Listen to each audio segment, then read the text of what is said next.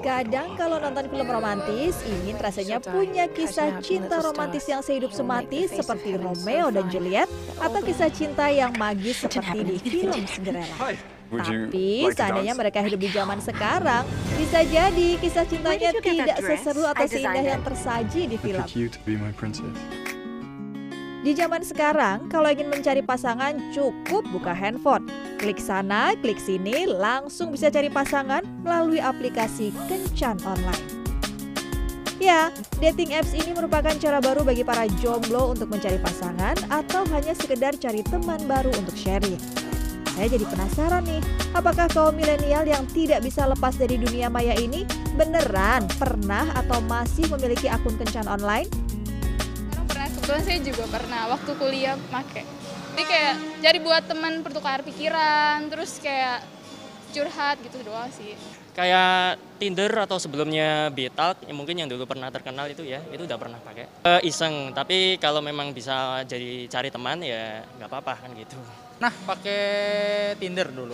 Pakai Tinder. Itu ya nyari relasi sih sebenarnya, nyari partner, ujungnya nyari pasangan sih ya, yang pasti ya kalau dari Tinder yang match. Gitu. Wah, ternyata rata-rata memang pernah punya pengalaman menggunakan aplikasi kencan online ya. Ya wajar sih, soalnya aplikasi ini memang gampang diakses sama siapa aja asal punya ponsel pintar. Tapi gimana sih sebenarnya tren pencarian jodoh di dunia maya ini dari kacamata pakar? pengguna user usernya sendiri dari online dating itu sendiri 60 persennya mereka satisfied dengan online dating itu sendiri gitu ya 20 persennya pun juga mereka uh, uh, bilang kalau mereka engage dan mereka menikah Wow, 60% menyatakan puas dengan dating online. Lantas, apa yang mempengaruhi psikologis masyarakat untuk bisa yakin cari pasangan lewat aplikasi?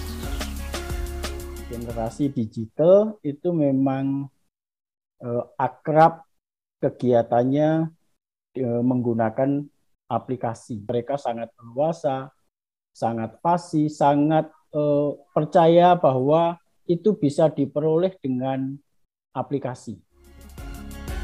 Sebenarnya biro jodoh semacam ini sudah ada dari era mama papa para kaum milenial zaman now loh. Bedanya dulu mereka menjodohkan orang bermediakan telepon, lalu ada juga lewat koran alias surat kabar. Hingga pada 2012 muncullah swipe right era.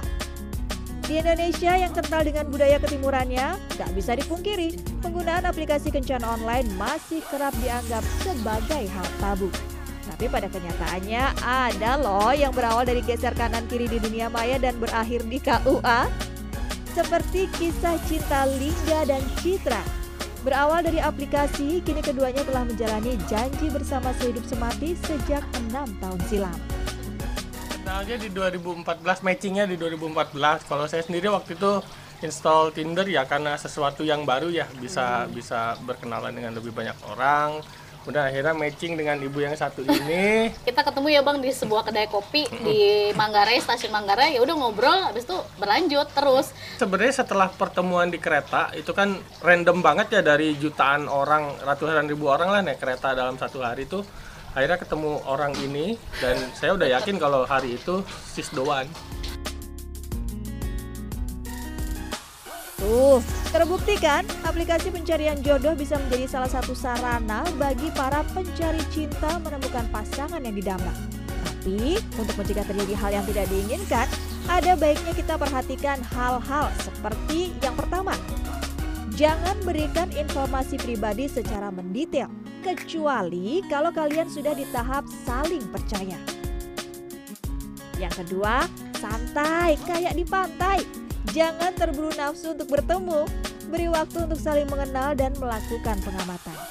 Yang ketiga, jangan mudah terbuat. Penting nih buat yang gampang baper alias bawa perasaan. Soalnya kalau sudah terbawa suasana kita bisa saja melakukan hal yang tidak masuk akal yang ujung-ujungnya merugikan diri sendiri. Yang keempat, jangan gunakan foto profil yang vulgar dan terkesan mengundang karena bisa menimbulkan pikiran negatif.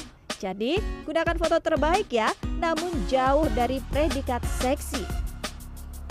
Yang terakhir, jangan ragu untuk menghapus status match Anda pada seseorang jika sudah mendapatkan sinyal bahwa pasangan match Anda sudah aneh nih. Meski kebanyakan dari kita hanya mengingat bagian manis pada suatu kisah cinta, tapi jangan pernah lupa kalau kisah cinta sejati itu tak selamanya berjalan mulus kayak jalan tol. Terkadang semesta seakan bercanda dengan kisah romantika seseorang. Bisa jadi itu hanya ujian apakah kita pantas mendapatkan cinta sejati. Tim Liputan CNN Indonesia